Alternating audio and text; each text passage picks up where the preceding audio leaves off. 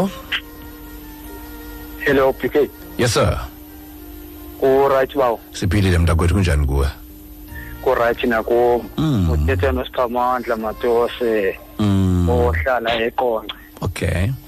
um ukhona nami umuntu endiqondayo uba kubuhlungu andikwazi ukumxolela ndiyazi Ngibambe ngenqala. um ndiyazama uzicela Yintoni lingaka?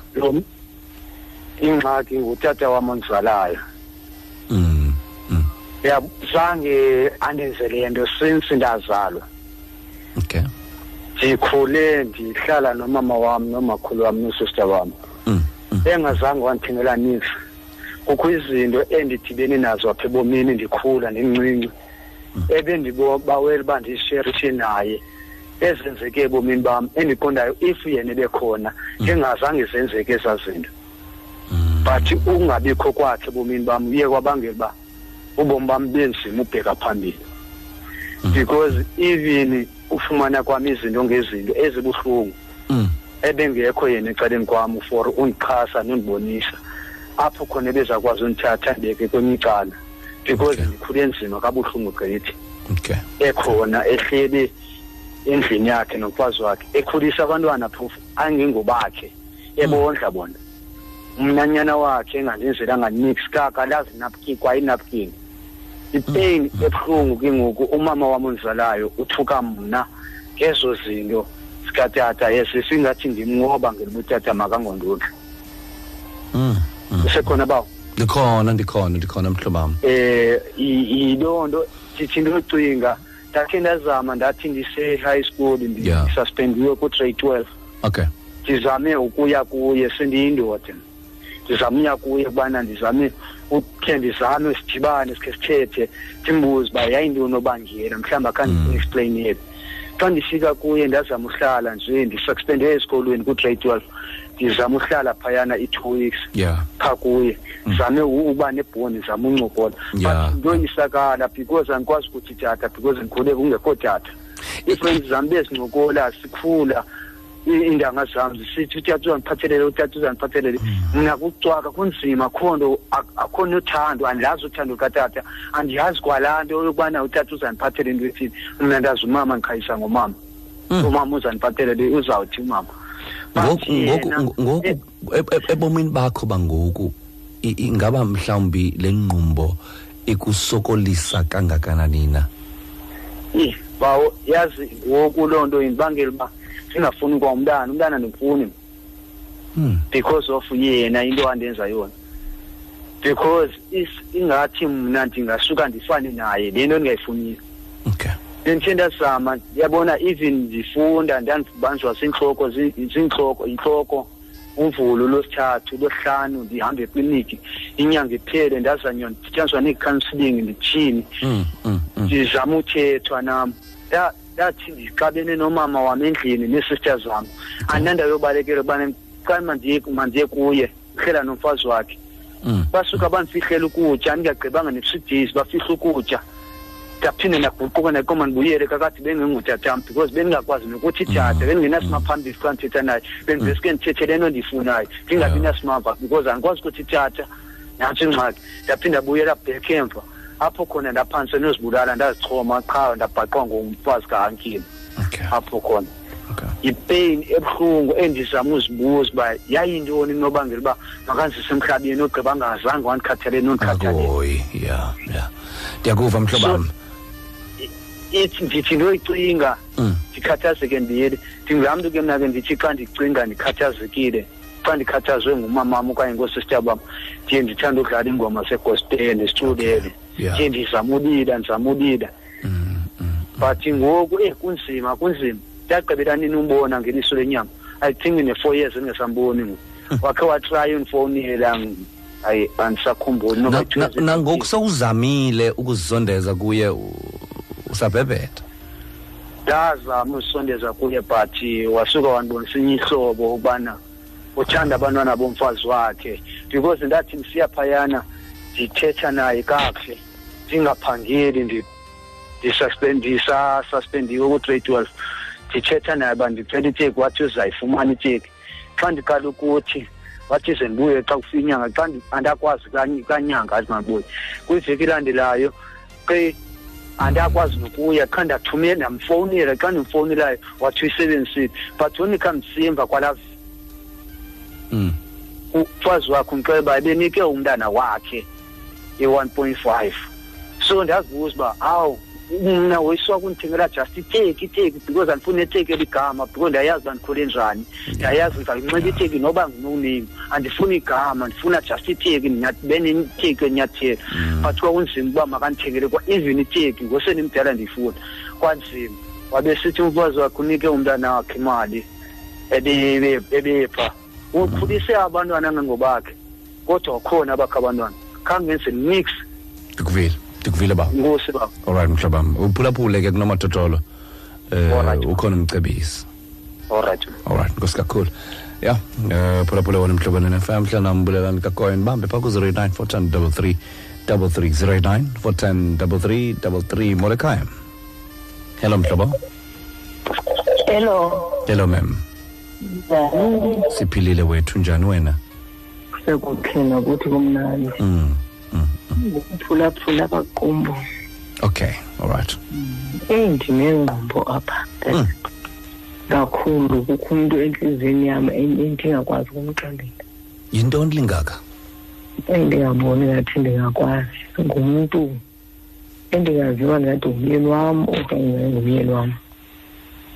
Ubuhlumezile ubomi bam lo tata lo. uthetha ukuthini xa usithi awuyazi noba ngumyeni wakho okanye ayingomyeni wakho Sesitata siyahlala sobabini yadi nenye.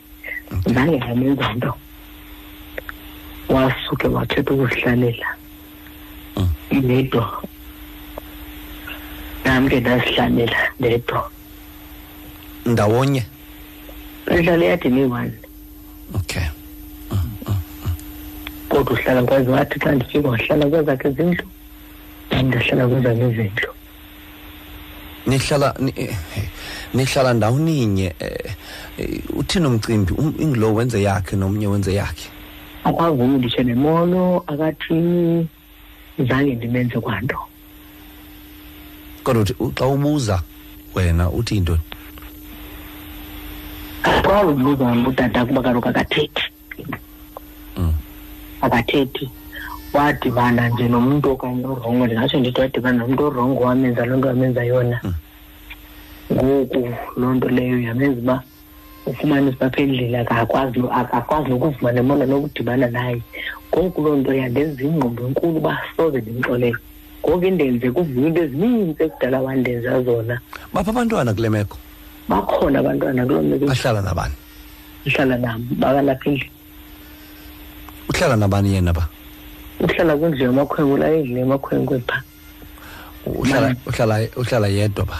Uhlala yedwa okay ke kukudala ndimxolele kwiinto ezininzi ekudala ezenza ndimxolele umanisi uba lo mntu unabantwana abalapha kuma-twenty ngosenditshatile kodwa ndibanyamezela ubantwana. Mm. ngoku wenza loo seyiwes endingayaziyo ntoba ndithe ndinyamezele kakhulu kwiinto azenzileyo. Futhi ndibona uba bendiba nedepression ndamkela esibhedlela ndithini ndathi ndi ndaqoba izinto ndizinyamezela Mm. akukho nto mhlawumbi uyikrokrelayo ucinga uba inoba uyiqumbele mhlawumbi yena? Akho nto ayiqumbeleyo wadibana nomfazi orongo. Okay. Athe phithi ngumfazi omntu uphi lo mfazi umcingayo wena uba ukhona ngumfazi ath- ath- athandana naye emane siya kaconfeste kum. Ahlukane naye athethe zonke into zalo mfazi aphinde aphendele kuye uza nalo mfazi apha eyadini? No akazi naye. Uyahamba aye kuye. Ndahamba siya kuye ahlale naye athini kuye. Cha ndingazi noba wamenzani kodwa ubona uba uva yena. So empilweni yam andiziboni ubomi bam ndingaze ndihlale naye. Cha ndinqoba ingathi ngathi molo ewe sithethe ngabantwana. Xa ndicinga into andenza zona ebomini bam. Ngoku kuve kuvuke zonke into ebuhlungu. Owandenza zona ndinee-operations ndinemithungo endathungwa ngenxa yakhe. Wandilimaza wandithi kodwa ndahlala kwi-situation enje ngoku kuve kuvuke ezo zinto. Ngoku ndibe ndingaziboni uba ndingaze ndimxolele umntu onje naba bantwana bakhe kwabantwana bayitweni into abanye bendibamkela ndihlala nabo ndikwazi uhlala nabo abo bantwana. Mm, mm, kodwa phezu koko aqhubeleke esenze ezi zinto wazenje akafuna nondibona. Ngoku eyona nto endiyibonayo engapha kum ndive ngase ndingamboni Mm, mm. ngoku ndibona nto umoyenya kakhulu ndim. Uke wazichochola izinto ezifana ne-counselling kanje ekudala ndayo kwi-counselling. Okay kodwa kodwa awuphili ngaphakathi. Hayi andike ndibe rayithi tanasikhandi ngoba ndine enga engapha futhi ka kakhulu a- a- andirhali into endiatshayo andisarhaleli ndiyakhawuleza uvakaleza kakhulu. Mm, mm, mm. ezininzi. Ndikuva kakuhle ndikuva kakuhle kakhulu. Ndicela uphulaphule kunomathotholo. Khona umntu njengoba uthetha nje ophulaphuleyo eh ozawuza- ozawuzama uncedana nengxaki yakho. Tata olright ke mem inkosi kakhulu. U- u- uqinise mani uhlale ethembeni u- u- umthembe uthixo. Andimthembe kakhulu. Yile nto indenza uba ndihlale kukuthemba uthixo? Kodwa uzigade nawe ungazigade nawe unga ungade wenzakale kakhulu ya? Mm, mm, mm, okay ke mem tata alright alright. Phulaphula mhlobana ne-fm mhlanambulelani kakoye bk the maestro. Phamba siqhubekeke sibheke phambili nabaphulaphula bomhlobana ne-fm masiqale sithengise lakhaya qala.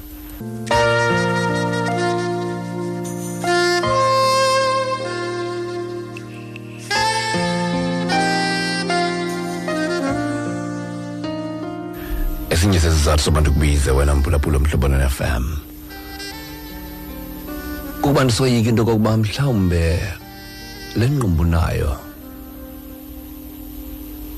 nawe ikuphatha kabuhlungu nawe iyakonzakalisa ngaphezu kokuba uqumbile ngaphezu kokuba usiva kabuhlungu kodwa nawe uyusonzakala ngaphakathi. Funeka sikhangele isisombululo namhlanje zanayo uzoyithetha nam. Uvule intliziyo yakho. Uthethe nje yonke le nto ivayo. Noba uzichaza ngegama noba kumchaza ngegama nalowo umqumbeleyo thethe nje mhlawumbi uceliwe. Umampondomise kahle kani yoba nesisombululo namhlanje. Mhlawumbi yimini yakho namhlanje. 089 410 33 kumhlobo wena nefm labegama ndingibulelani kakhoyo. Naba baphulaphula bomhlobo nefm bancangile bafuna ukungena. Mona mhlobo Hayi BK, hayi sisi ninjani kuhle njani wena? hayi sirayithi dadewethu akho nto ufuna ukuthini Umphulaphula. ufuna ukuthini namhlanje So endiyenzakalisa uyayazi? Ikwenza kube nzima nothandaza oku. mm. Awutatanga. Ndiyamcela nje uThixo. Kuba sebendala nam ndikhulele ndikwazi ngixolela. Ndikwazi uba ndiyakhonza. Cha in- xa ndithandaza ezinye iindawo andikwazi ugqitha kuzo. Baba semazindleni andikwazi ukuphipha because ikhona indawo.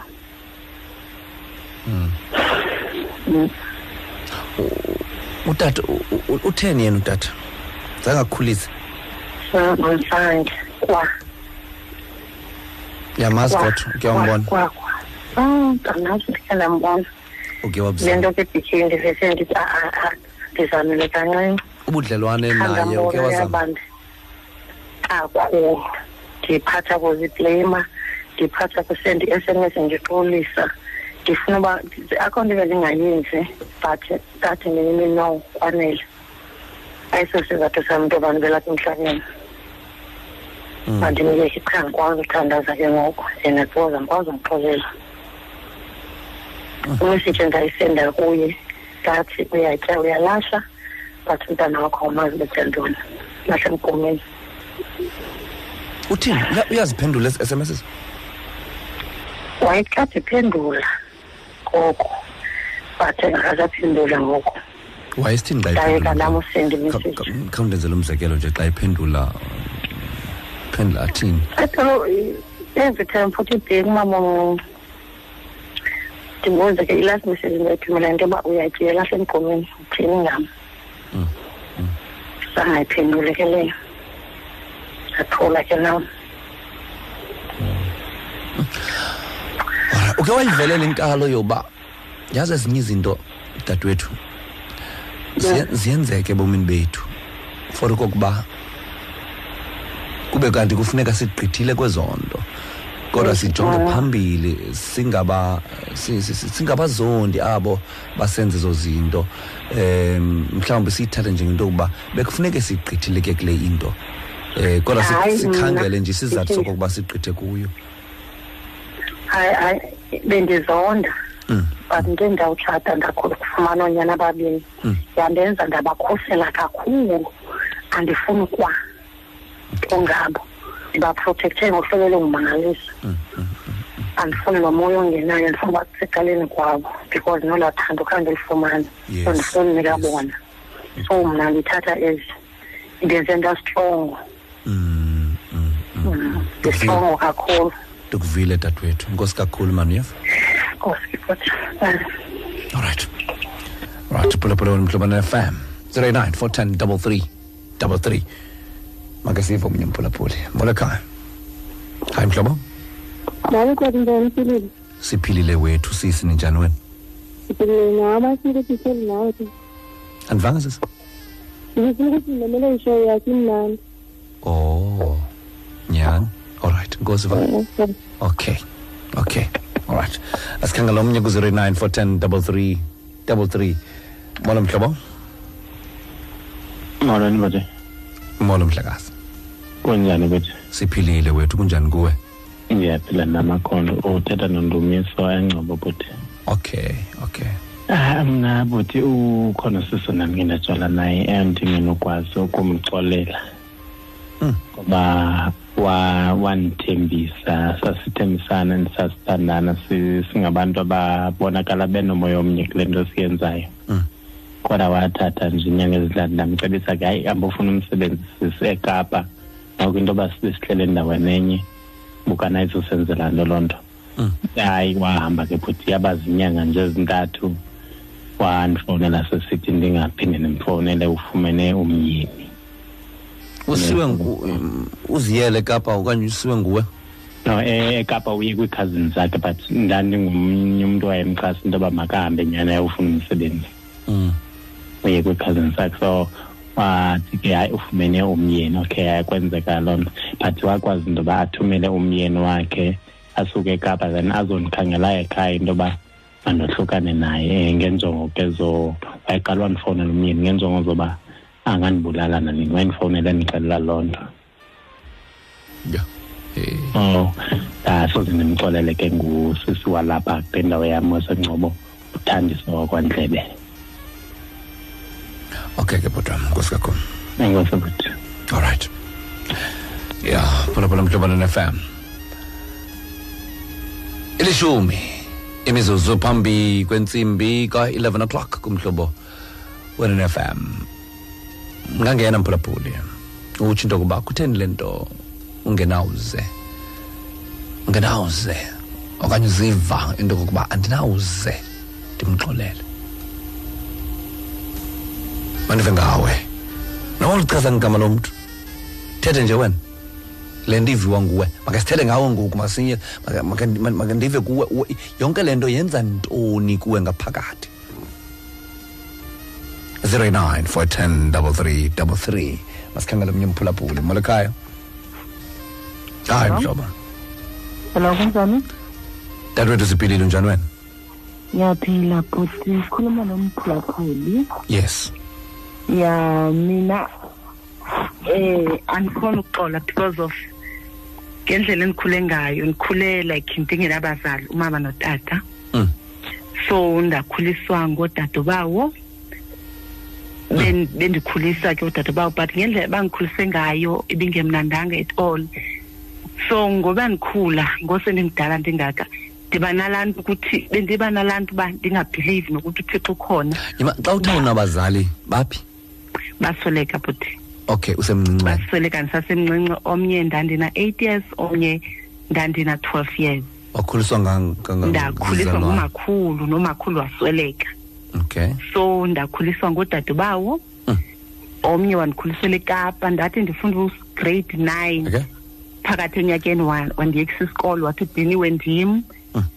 And then kufuneke ndihambe nge-eastern cape. Ndahamba ndaye e-eastern cape. Xa ndise-eastern cape ndathathwa ngomnye wandisa ejoburg. Mm. xa ndifunda ejoburg uba ndithi maybe ndilambile baba nalaa nto uba why kumele ulambe? Ambokromba abantu abantu bekumele uba bayakukhulisa awulo xanduva lethu. Mm. indlela bathetha ngazo azikho right. Ndikhumbula ndimithi umntanam i-second born yam. Udadobawo wathi umntanakhe wayejampela phezu kwebhedi ejampela esiswini sam. Umntanakhe bena-ten years. So ndixelela udadobawo uba andiyithandi le nto yenziwa ngumntana. Ujampela from esis- eh, ebhedini ejampela kum. Abe sisithi udadobawo hayi kaloku likhaya le- lakhe eli uthi yena makayephi. Mm, mm, atsho kanjalo kum ut- uthi yena makayephi. Izinto ezinjalo. Bendinokhe ndithathe iimpahla zam ndihambe nditsho kuye ndithi yazi entliziyweni yam ndithi kungcono ndiyohlala e-orphanage home. Okanye noba ndingayohlala phi kunoba like ndibe nalaa nto uba kungcono istranger. Umntu ongamazi kun- kunefemeli because ngendlela eni- enindiphatha ngayo. So ndihlala ndisitsho nasebantwaneni babo ndithi ngendlela abandiphatha ngayo bayandivala. Noba ndinengxaki andikwazi uthetha namntu. Noba ndinga- ndingabhutshelwa ngumntana andinokwazi nothetha nabo. Because of ngendlela abathetha ngayo nam abakwazi uthetha nam at all. Iba ngathi iblame yabazali abasolekayo basoko beyifaka kum. Ingathi ndim lo wathi kuthixo makabathathe abazali. Oh, so ewe bona ndiyafuna uxola ndiyafuna ubaxolela ndiqhubeke nelife yam but aba- aba- abayeki nditsho nangose ndimdala abayeki uthetha nam kakubi banaloo nto okokoko. So ndivele ndingazazi ndisuke ndithe ndambuza i think a month ago ndiyambuza uba ndenzeni into le ndiyenzileyo? Ndizokwazi uba uba ndenze something ndixolise maybe ndiyenzile imisteyiki ndingazi. But ndiyambuza uba ndenzeni? Into le ndiyenzileyo ndizokwazi uxolisa zangandiphenduli and ndatsho kuye ndathi eyona nto ibuhlungu endiyivayo. Kukhula ndingebi nabe- ndingenabazali.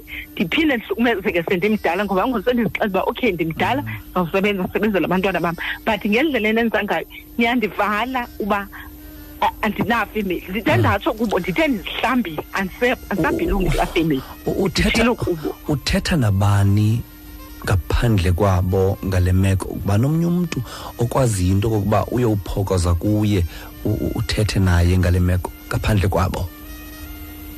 Because ndizalwa nabafana bodwa ndiyintombazana kuba nzima for mna. Because nomakazi from icala likamama naye zange abe nankathalo ngathi ukusweleka kwabazali. Sakhuliswa kucala lathi lotata but nabo ke asikhuliswa ngendlela um banalaa nto ukuba ndikhumbula efuna imali yomzukulwana wakhe sethi mandikhulise umzukulwana wakhe se- e- egudu kuse-eastern cape. Ndathi mna nayo i-five hundred yebhasi etikiti wandisendela imeseji wathi mandibuyise imali zakhe which is ezandikhulise ngazo ezandikhulise so banaloo nto so um- uba ndiyathetha ndithetha like nomntu endingamazi endidibana naye ebhasini or ndibuye emsebenzini or phi ndithethe iphume. And ngoku am twenty eight years ndine-high blood.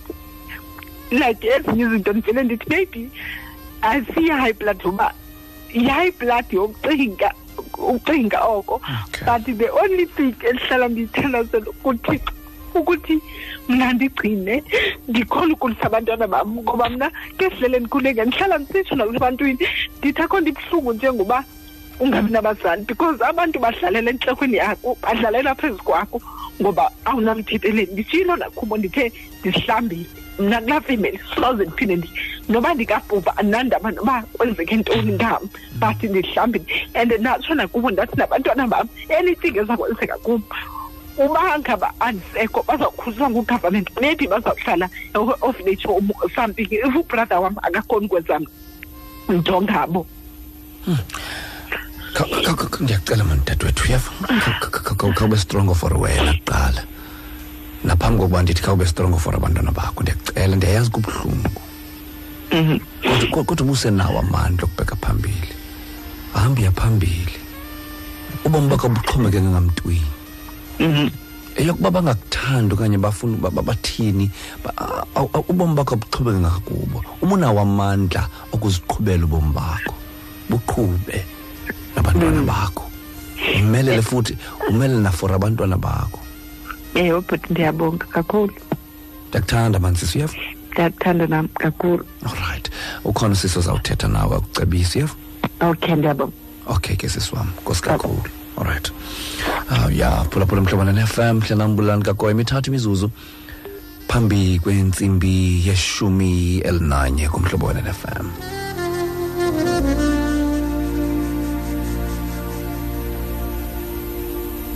makasithathe ingoma ruben eh sijonge into yoba um angasithela sibeke phi na yena ingoma ethi superstar. Sijonge into yoba eh, yawusibeka phi napha kumhlobo wenene FM Ruben Stadat kumhlobo wenene FM hleli nambulelani kagoyo BK the maestro. Sasondela phaa kuye ke umcebisi wethu ngekudala eh mhlawumbi akatsho naye into kokuba angathini kwaba bantu esele eh baphulaphule eh ngoba njengoba ndithetha nje naye uhleli u- u- uyabhala phansi eh ukwenzela into kokuba a- aphendule ngendlela efanelekileyo. Ngalahla ithemba abantu bakwethu. Kodwa ngaqumbi kube kanti nawe le nqumbo ikuvisa kabuhlungu okanye yakudodobalisa ude uthwale ingxaki engeyo yakho uyenze eyakho. Ngoba ngenye ixesha siqumba njengoba siqumbile sifumanisa into yoba uthwele into yomnye umntu engeyo yakho wena engewubheka phambili nobomi bakho. But ngoku ngenxa nje into yoba u- u- unenqumbo uzibona uthwele imithwalo yabanye abantu engeyo yakho. Yeke mani imithwalo yabanye abantu? Kuhoyane nawe ngoku ngoba ubomi uphilayo bobakho. Bavuyisa intshaba kobomi bakho.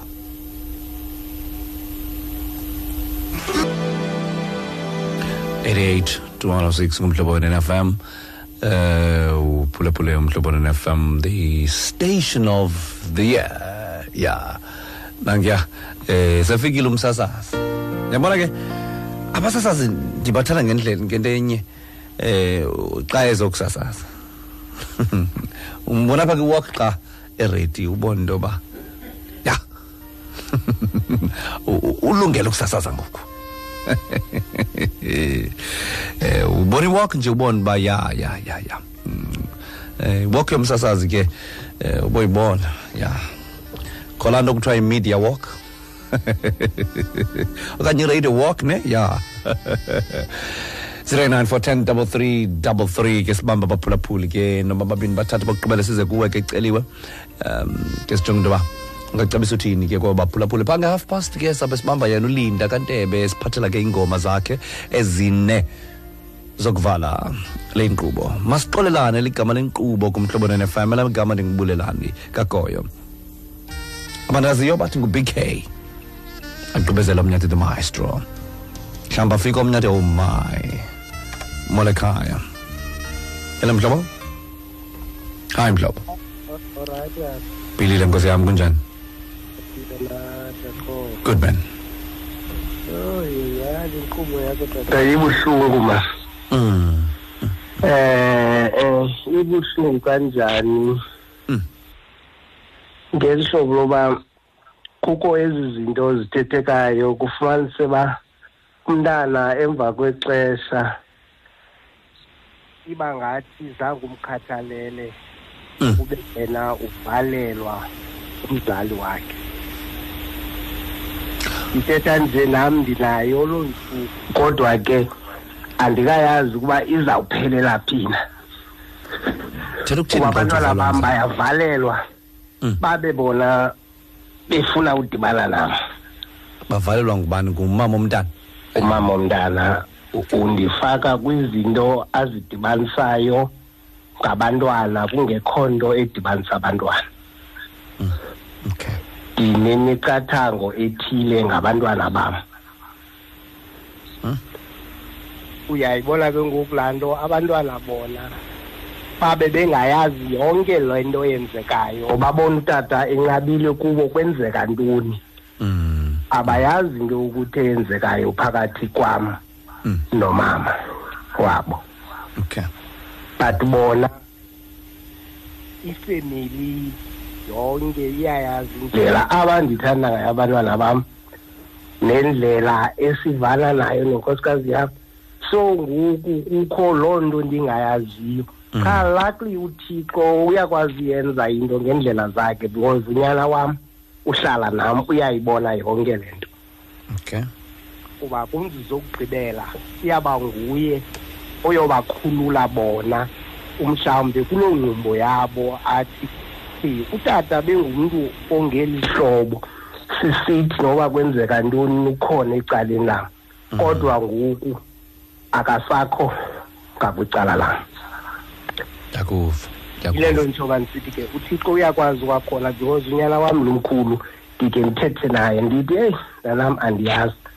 Ndikhula phantsi kwam ndiniphethe ngendlela ndingazange ndenze kwani? Ninani ndininapkena aba babini ke phofu phambi kwabo bebona. Ndisenza yonke into ndingutata ndingumama kubo. Kodwa ngoku emva kwexesha ndikhutshelwe ecaleni kwangumama wabo ndingasazi isizathu kuba nangoku ndisasifuna isizathu adeske ayokundifakela for into yokuthi ndingadibani nabantwana bam. Okay. Ibuhlungu tata nyhani imeko esiphila kubo singootata thina? Ndikuvile ndikuvile. Ibuhlungu kakhulu tata. Ibe ngathi abantwana bethu akhathalele afuna uhoya. Mm, mm. Kanti kukho sithintelo sithile thixo wenzile ukuthi abe khona unyana wam ndihlale naye. Uba ndihlala nonyana wam ngoku. Alright uyayibona yonke le nto. Enkosi tata ndiyabulela nkosi kakhulu mhlekazi. Alright enkosi tata. Right ke masikhangele omnye umphulaphuli womhlobo wenn-fm um molekhaya Master, yes sir. Oh bhuti wami ngihleli nawo kwinkqubo iqalile ne? Mhm. Ngulungisana lo lapha ePort St John's ne Port St John's. Okay. Eh bhuti wami ingangiba umhlobo wenene ne ingaske ungabe womelela uqine uqhubeleke kulanto na bhuti master ngamanye amaxesha ezinye izinto uthi uxole wakuyibhodla ngaphandle uyayiqonda ingama umhlobo nalo sisi lwazongena ngoku niyani iqine abantu abenkosi ingathi niyayiqinisa le nkqubo kakhulu kakhulu because eyi, inhlungu into ezivakala ebantwini njengangoku. Ingaske nalo sisi lo begqiba uphuma apha ebalisa ngabo ngehlobo ntontoni yonke laa nto. Like baqina abantu abanjeya mani njengoba sebethethe nawe bekhona laa laa nto izotshintsha kubo. Nomelele niqine maestro kakhulu kakhulu mhlobo wenene. Ngabani ngaqhubeka kakhulu. Simamele mani inhlungu zabantu kodwa kona kona ngethemba lonto uba nokuthixo uzoba nabona kakhulu nemaster inkosi kakhulu bhuti nkosi kakhulu mhlekazi wami Sure, bhuti. alright uh, alright ke wena mphulaphuli masibaba baba baphulaphuli. Sibaleke sibheke evenkileni nte emveni koko. Um ke siye phaa kuye ke wethu umcebisi. Uceliwe eh kahle kani? Majola eh umphankomo mampondomise ke sive into kokuba angacebisa thini ke kwabasele eh bethethile. Masibheke evenkileni emveni koko sibuye ngengoma ke kavusi nova esithi nanini na. Right hlakamnani kakhulu apho lo ngoma ke nanini na vusi nova eh ya mntakajebese vuyani v jebese. Eh siyabulela mhlekazi. Alright masike sambe ngokusiye phaa kuye ke eh uceliwe um ngesive into kokuba yena uzawuthini na kweliya ecala molo majola. Eh, BK, majola. Kunjani? hayi wethu siphilile wethu. Mani kunjani kuni? Siyazama man, hey, ubuhlungu kodwa. mm akubuhlungu Ubuhlungu man jaha man. Yo, abantu abantu celiwe eh bahamba nezinto ezibuhlungu. Mm, Bahamba unephefumlo yonakele BK. Yo, kakhulu kakhulu Yo, yo, yo, kakhulu yo. kakhulu em akukulula kona ukuthi emntwini hayi man sukulila. Mm, ube ube u- u- ungalazi inxeba ukuba lenzulu kangakanani na libe lesaziwa nguye. Kunjalo BK. ya yile nto ke ndiqonda into yokuba asinawukwazi ubaphulaphula abantu bathethe ezi zinto bazithethayo kodwa singabi nayo umntu eh oyawuthi ke ekugqibeleni kube abe sithethile abe noko akwazi ukucebisa abe namazwi akwazi ukuwabeka ngoba kuncedi nyhani ke uphulaphula apha iingxaki zabantu abantu bathethe into zabo kodwa ekugqibeleni. Kungabikho sisombululo sithile eh, Kunjalo esiba tata. naso. ya Sizozama, sizozama BK because ezinye xa ndimamele apha zondele kakhulu zinida a, a proper counselling wena BK. Mm, mm, Uyabona umuntu azohelisha ke ngoku, you understand because ya ya and especially ke the ones eziyi-include ifamily zineeda some intervention nyhani ke mm. kulaa level yento yobana umntu needs to go for counselling yazi bk xana u- u- uxolela ne? Ya. Loo nto leyo ayithethi into yokubana u- u- u- you know ukhuthaza le nto Mm. ibisenzeka. Okanye ukhuthaza esasenzo sidlulileyo kulowo ukonileyo ne? Ayithethi nento yokubana lo mntu unelungelo lokuhlukumeza umphefumlo wakho. Mm. Ukumxolela nokuxola kwakho akuthi umenzi Mhm. akazokuvuna akulimileyo laa nto kuthiwa zii-consequences you know when you do something bad emntwini Mm. ziba khona ii-consequences ukhona umntu ophendula kuyo noba ngoku lo mntu ngobe kwenze into ebuhlungu umzekelo wena bk Mm. ubona wena ingathi izinto zakhe ziyaqhubeka okanye mhlawumbi ubona ingathi yena ubomi bakhe buyaqhubeka but kukhona apho umphenduli okanye umntu azawuphendula kuye ngesenzo sakhe ukhona umntu azawuphendula kuye Mm. kodwa ukuxolela you know ukukhulula wena menziwa umoya wakho umphefumlo wakho nentliziyo yakho kubuhlungu obubuwuvile ne. Mm. and you know abaphulaphuli as much as it's painful as much as ingeyonto ilula ukuxolela ndiyayazi loo nto leyo uthi thetha nomntu onamanxeba umanxeba ke. Ngoyo ndimdala ndingaka nam I've experienced bad things ne Yeah, ebomini. But you know when you start to forgive umntu okonileyo kulapho kaloku wena you taking charge of ubomi bakho back. Ezandleni zaloo nto ndikuthandile xa usithi utha- u- u- aba bantu ba- ba- bangaxolanga bane- ba- ba- banezi zinto bazithwele you understand? Mm. so ukuthatha back ke ngoku ubomi bakho ezandleni zalo mntu. Because xana umbambile lo mntu ngentliziyo yena ubhizi uyaqhubekeka. Umuva on yena Mm, you understand? mm, ubomi bakhe buyaqhubekeka. Now if, if, if you're looking at ukuxolela ne? Yeah. umzekelo bathi forgiving is designed ne to Mm. set the victim free. So ayonto xa uxolela umntu aw- awuxoleli for your- isake yakhe wenzela wena mntu ebebonile. Uzokwazi ukuthini? Ukuqhubekeka nobomi. Yes. Yes. ne? Mhm. ayinanto inomenzi ke loo nto. Inalo mntu wenziweyo inalo mntu woniweyo. That's the sad part. So ukuhlala ke ngoku nale nto ibuhlungu ayi- u- u- you know- u- you're not gonna progress ebomini. Ubomi bakho bumile wena ufocuse kule nto there there are tears ezishare- ezisheriweyo ngabaphulaphuli apha there are stories ezithethwe ngabaphulaphuli ezinye zinto zazenzeke kudala but ezinye zinto ezi- ezi-recent Yeah. at the end of the day uhleli ke ngoku wena kuloo nto leyo abaphulaphuli ndizabanika ten reasons mna Mm. why funeka uxolele Mhm. so that umntu namhlanje athathe isigqibo ngobomi bakhe nokuxolela lo mntu mhlawumbi wayemenze loo nto leyo. Ndingaqalisa ndim- ndibanike. Okay. ukuxolela it sets ubomi bakho free. It sets your life free. Nditshilo ngodathi njengoba lo mntu umbambile okanye ubambe le nto uxwaye yonke le le le le le le oku- kuba ne oku- oku- obu buhlungu ububenziwe ubuxwayile wena emagxini akho xa ungamxolelanga lo so you're setting yourself free xa umxolela. It helps you move forward. The minute kaloku bk usoniwa ubambile une-anger there was even umphulaphuli esitsho sithi yo umsindo ndinawo Mm. ungaphaya. Uyabona ke xa unomsindo xa ungumntu onomsindo ke ngoku ungaphela ukhuphela umsindo wakho kwindawo ekungamelezekanga ukuthi u- u- ukhuphe kuyo because kaloku usabambe le nto uyibambileyo naloo mntu yabona? Mm. ukuqalisa ukupholisa intliziyo yakho. So upholisa wena intliziyo yakho. You have to look af- after yourself it's not about lo mntu wayekwenze into ebuhlungu ne Mm. Mm. okwesine umsindo ne uye uphele xa ke ngoku sowuzibona nawe uba umxolele umntu Mm. umzekelo i- i- you know i- i- kukho le nto mas kuthiwa i- xa xa une-enga wena bk intliziyo iba selixinzelelweni Yeah. Yeah. yaqonda so intliziyo takes that strain ke ngoku because of the anger now if uyaxolela ke ngoku olaa xinzelelo luyaphunguka kancinci entliziyweni luphela lisuka Okay. Mm, completely ke ngoku awuso you know aw- awuzo umzekelo umntu mosixana ekwenze into ne Mm. uba nalaa nto e- e- engqondweni yakho ithi xa imbona ikhumbuze le nto beyenzile you understand Yes. Yes.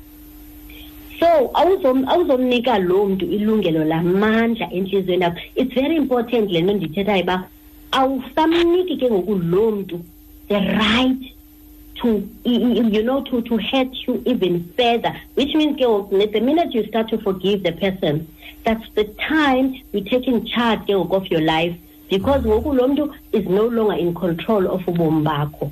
Okay.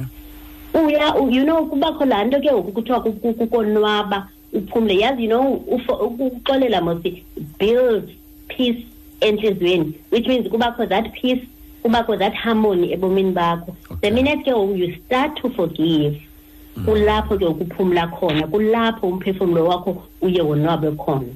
Ukuxolela kukunika ipower and control over your life ukuxolela kukuz- kukuziphindezela yazi bk njani kaloku the minute lo muntu ekubona uba you have forgive gave him or her akumandanga kuye. You understand? Kuyafana ingathi i-revenge but in a, i- i- in a, in a positive way. Because akho nto umenza yona lo mntu uyaqhubekeka nobomi bakho because uzixelela into yobana at the end of the day ufuna ubomi bakho bube kwindawo ethile usuke kulaa level ebukuyo kuqala xa uxolela ke uye ufunde kakhulu ngobomi through ezi bad experiences ubuzifumene ezinye i-bad experiences they xa uzijonga phaa in future now you might not feel that mphulaphula because kusebuhlungu. But xa uzijonga in future you will notice that some of these bad experiences esiye si- sigaxeleke kuzo ebomini zizinto actually eziyi-blessing in disguise. Because utsho masithi umzekelo ndizakwenza umzekelo ngumntu ohlukana mhlawumbi nomntu amthandayo kakhulu kakubi you understand aphele lo mntu ngoku eqonda uba ah, uyamqapkela lo mntu unala anger because ubani besine-plans ubani bendine-dreams naye. But after a long time udibane nomntu akuthande umntu u- u- u- uzibuza uba ye nkosi yam yintoni nto ndandiyililela na? Kwa in the first place because naku ndikwazile umuva on. So sometimes okwaku- okwakubamba nalaa nqala noku nalaa msindo iza kuvalela ke ngoku ungakwazi ukufumana these opportunities noba ubo i-opportunity into yoba ubone ubomi bungaphaya kwalo mntu ne okay mm. Mm. now ukuxolela as i said kukuziphindezela but ukuxolela uye ufunde kakhulu ngobomi uphinde uphuma ebukhobokeni yazi you know inhliziyo yakho mos isemakhamandeleni because the minute lo mntu lona e- e- lo mntu ngathi ngoku uyaku-owna lo mntu ngathi uhleli entliziyweni yakho with ezi zinto bezenza kuwe. So net the minute um-let go okanye the minute you let go of the experience the minute you let go of la hatred nalaa misindo ne nalaa nzondo unayo kulaa mntu that's the time ke ngoku ungena ebu- e- ku- ku- ku- ku- ekuphumleni. Na uphuma ke ngoku ebukhobokeni ungena ebugorheni ne? Okay all right. Ayirashwa ke baphulaphuli into yokuxolela do not rush it. It's a process which means ayonto ozawuvela ngomso. Ukhe ndibone ke abantu ke mna ke even naxa ndithetha nee-couples ndikhe ndibone umntu athi wayengadanixolele you understand? Ayi- a- awuzo- awuzo- awu- awuzobakho pressure and awuzokukwazi ukuyispeeda the process into yobana umntu makakuxolele nantsi i-highlight you can forgive umntu bk ne? Umxolele. Ayithi xa umxolele ke ngoku you still need a relationship with that person. Ndicela uyicacisa Yeah. akho nto ithi xa umntu umxolele hlala naye. Akho nto ithi into xa umxolele qhubekeka naye ebomini. Ungamxolela umntu but cut that person off your life. Ube umxolele because i- i- isimo ngelo xesha mhlawumbi siyaforce into yobana you have to part ways nalo mntu. Asiyonzondo le? Asenzondo bulelani because at the end of the day um- um- umreleasa lo mntu ngala en- ngala energy positive umreleasa laa mntu ngomoya omhle but ke ngoku akukwazi uhlala naye. Ngezizathu ke ngoku ozaziyo wena mhlawumbi depending kuloo nto bekwenze yona ne? Ugandhi uthi the weak can never forgive ne? Uthi forgiveness is the attribute of the strong which means the minute you can forgive if ithetha ukuthi loo nto leyo you are a very strong person. So o- o- o- you know these goals ke ziye zindimotivate nam most of the time xa kusenzeka into ebuhlungu kum ne? U-oscar wilde yena uthi always forgive your enemies. Nothing annoys them so much which means xa bekubona uqhubekeka umhle ubomi bakho buqhubekeka ublosoma ngoku umuntu eyazi uba into ebuhlungu kangaka bekwenza yona you know iya- iyaba anoya kakhulu loo nto leyo which means iyabacaphukisa bavi kamandi. Celiwe makhe siye kulo mama. Um ukhona umama apha othi rhoqo apha ebomini bakhe every day ebomini bakhe. Kufuneka ejongene nalo myeni uhlala kule yadi nye. Mm. kodwa ongamfuniyo omphatha kakubi okanye omvisa kakubi. Yho ungathini kumntu onjeya ngoba ndikholwa into yokuba laa mntu uphelelwa ngamandla rhoqo kusisa? Uhlala naye endlini Ba- okay ba- ba- bahla- ba- bahlala e- e- e- e- e- eyadini enye Mhm. kodwa kumagumbi ohlukeneyo. Yes. Uyabona kwi- kwi- kwi- kwicase enjeyana b k akho nto i- i- i- i- i- i- i- imandi njengento yobana xana ku- ku- u- lo mntu mhlawumbi une- u- ukwenze into. Mm. Elapha.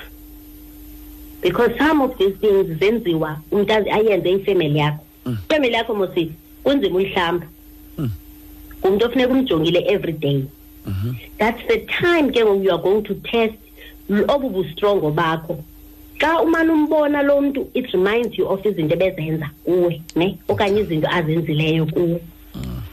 Uzibona ngolo hlobo ke ngoku when you move on. Le nto ndisithi it's a process. You have to start qala bk ngokuxolela wena qala. You have to actually take this and forgive wena uzixolele wena. But For akenzanga what? nganto lo sisi akenzanga nto bk Mm. but in a nutshell yabo yazi ke- u- ukha- u- ukhona umphulaphula ebe- ebekhala mani esithi ndide ndizibuza uba what have i done? Mm. yintoni le Mm. ndiyenze umvile xa sitsho Mm, mm, because mm, ngoku ukwesa stage sento yobana a- a- enze laa nto kuthiwa yi-self blame you, you, you look at yourself and you think is, is it some is it me?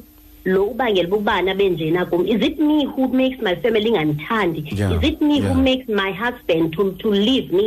Is it me who makes abantwana bam bangandifuni kangaka abantwana bam babero uthathe ngoku okwakona kalo mntu wathatha wena waye- wayenza yangathi nguwe owenze loo nto.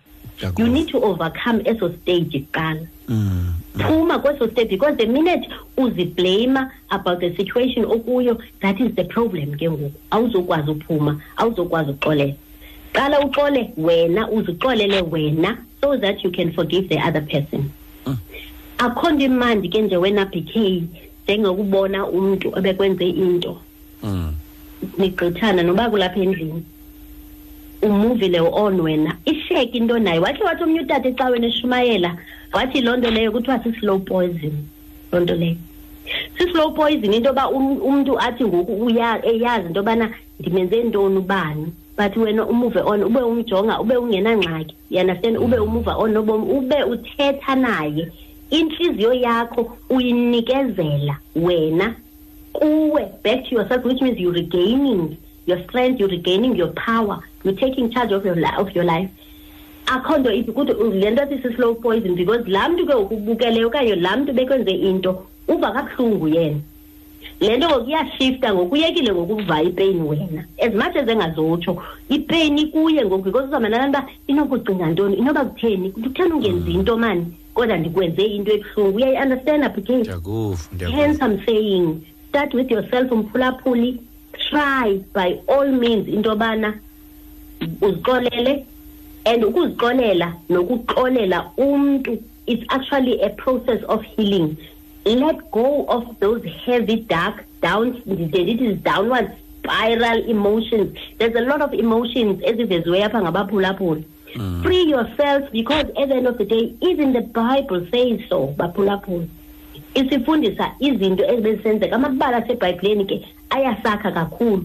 Xa ungumntu ke ongayisebenzisi ibhayibhile zikhona izinto na that you can relate to? Mhlawumbi ukufunda incwadi you know and also ukuthetha umphulaphula ukhona othe hayi mna ndiyathetha ndithetha no- no- noba ngumntu osebhasini umntu ondimbonayo ndiyathetha nokuthetha oku yazi ukuyikhupha into uyibalisele omnye umntu iye ibangele into yobana ihle ipeyini kuwe ne? But you don't lock yourself in your little corner uzixelele into yobana mm, le into you know this is this is something eyawuhlala injalo. It doesn't have to be like that. And ke it's not about ukureconcile nalo mntu. Ndiyayiphinda loo nto. It's not about uba niyaxolelana nalo mntu. Umzekelo ngoku hayi ke ngoku sawulungisa izinto ibe ngathi akho nto yenzekileyo. Yes you you okanye mhlawumbi niqhubekeke. Masithi umzekelo ngumyeni nonkosikazi Mm. ayithi loo nto leyo umyeni wam undenze into ebuhlungu kakhulu. Ndawuhlala kuloo meko no. Into endiyithethayo yinto yobana ungakwazi ukuhlala nomyeni wakho xa ufuna njalo. Ukuba imeko okuyo iya, iya, you know the condition enikuyo enihlala phezu kwayo nomyeni wakho iyaku-alaw into yoba mawuhlale naye there's, Okay. there's i- ii-cases ze-abuse umzekelo. Mm. When there's abusive relationship eza toxic relationship obviously you cannot stay kwi-relationship ezinjalo. You understand unless this person who's a perpetrator ufumene i-healing wahilishwa waya kwi-counselling wayi-overcome loo nto. But awukwazi uhlala kwi-relationship ezinjalo. But ayithi loo nto leyo uyamzonda lo mntu ubomi bakho bonke. Uyakwazi umxolela udlule kuloo nto leyo. And ukulib ayithi mlibale ayithi deny izinto ebezenza. But ithi mkhulule khulula intliziyo yakho ukhulule wena emakhamandeni alo mntu okhontrolwa ngumntu ubomi bakho it's about taking power over ke ngoku izinto nendlela oresponda ngayo kwizinto ezenzekayo ebomini bakho. Okay all right. Hayi ke um celiwe masibulele kakhulu. Eh nawe uba uhlale kusebusuku kangaka kodwa uzinikele kubeni ba wanceda abantu bethu. Ndiyabulela bk ndiyabulela but abantu abaphulaphula funeka bazifundise into yoku-attend i-counselling sessions bk mm. professional counselling ke ne Aba- abafundisi ezicaweni they offer. I-social workers they offer. Psychologist yabona ziba khona ezi-free bethu nani? Zikhona i- Approach. ke ndibe ndizabuza loo nto uba yes. zikhona ezingabhatalwayo ezi ndawo zikhona ezingabhatalwayo but kufuneka uyazi uba zindawuni like kubakho ezi zi- zisaqeqeshwayo zithanda ubakho apha e- e- ku- ku- kwezi pa- primary health okay. eh clinics umzekelo. Ezi ziqeqeshwayo i-psychologist where you can see a psychologist. For free ne? Okay. I know a lot of clinics ezinazo we especially apha eBhayi ne? I'm sure ke nakwezinye areas zikhona ezisema-university. Xa beqeqeshwa kunyanzelekile babone ii-clients for free. So abantu need to consult Okay. ukuze ke ngoku umntu azo- azokwazi ukufumana umntu azothetha naye yabona azokwazi ukufumana umntu ozawuba neutral kuloo nto leyo azokwazi ukuba am- amenze understande the pain and in, in, in a nutshell. You know xa xa uzamxolela mos umntu bk mm. a- as i said awumxoleli kusithiwa hlala naye esisigebenga okanye hlala naye mm. ekwenze ukuhlungu but you need to move on. Okay. at the end of the day there will be that time you need to take your life back you need to move on you need to let go of what happened. So Um, i-psychologist will guide you ke ngoku i-social i-social worker will guide you to actually reach that point where you will take charge of your life. Okay. Umntu ke Yeah. Eh khona pha athi eyi mna sendinqonela ka kwawena lo. Eh ufumaneka phi wena? Eh ufumaneka njani lifumaneka on uh, facebook um phaa kuceliwe hlekani wellness warehouse. Ndiza baya ndi-inboxa ke phaa ne bangabhali bangaposti phaa kulaa page yam bandi-inboxe ndawuphendula phaa Okay. okwesibini bangandi bangaxhumana nam kwinamba yam ne? Ndizabanika inamba yam loo mntu uqondayo uba aane kunzima kakhulu. Eh u-zero seven one zero three four zero eight double four but bangandifowuneli ngoku bk ne? Masiyiphinde zero seven one zero three four zero eight double four but bangandifowuneli ngoku ebusuku abaphulaphula. Okay all right. bangandifowunela ngomso okay all right all right. Hayi ke Okay. siyabulela kakhulu wethu ngoncedo lwakho eh celiwe. Eh uhlale eh, wenza mani umsebenzi onje eh, ukwenzela into isizwe sethu si- sizawuphila. Mm no siyabulela bhuti kakhulu mani siyabulela siyabulela abaphulaphuli ndiyabathanda kakhulu mani. all right ndiyabathanda ndiyabathanda. Inkosi ke bk alright uceliwe ke lowo eh kwakwahlekani umajolo umphankomo eh nguye ke bencokola nathi apha kumhlobo wenene FM alikhumbuze wena.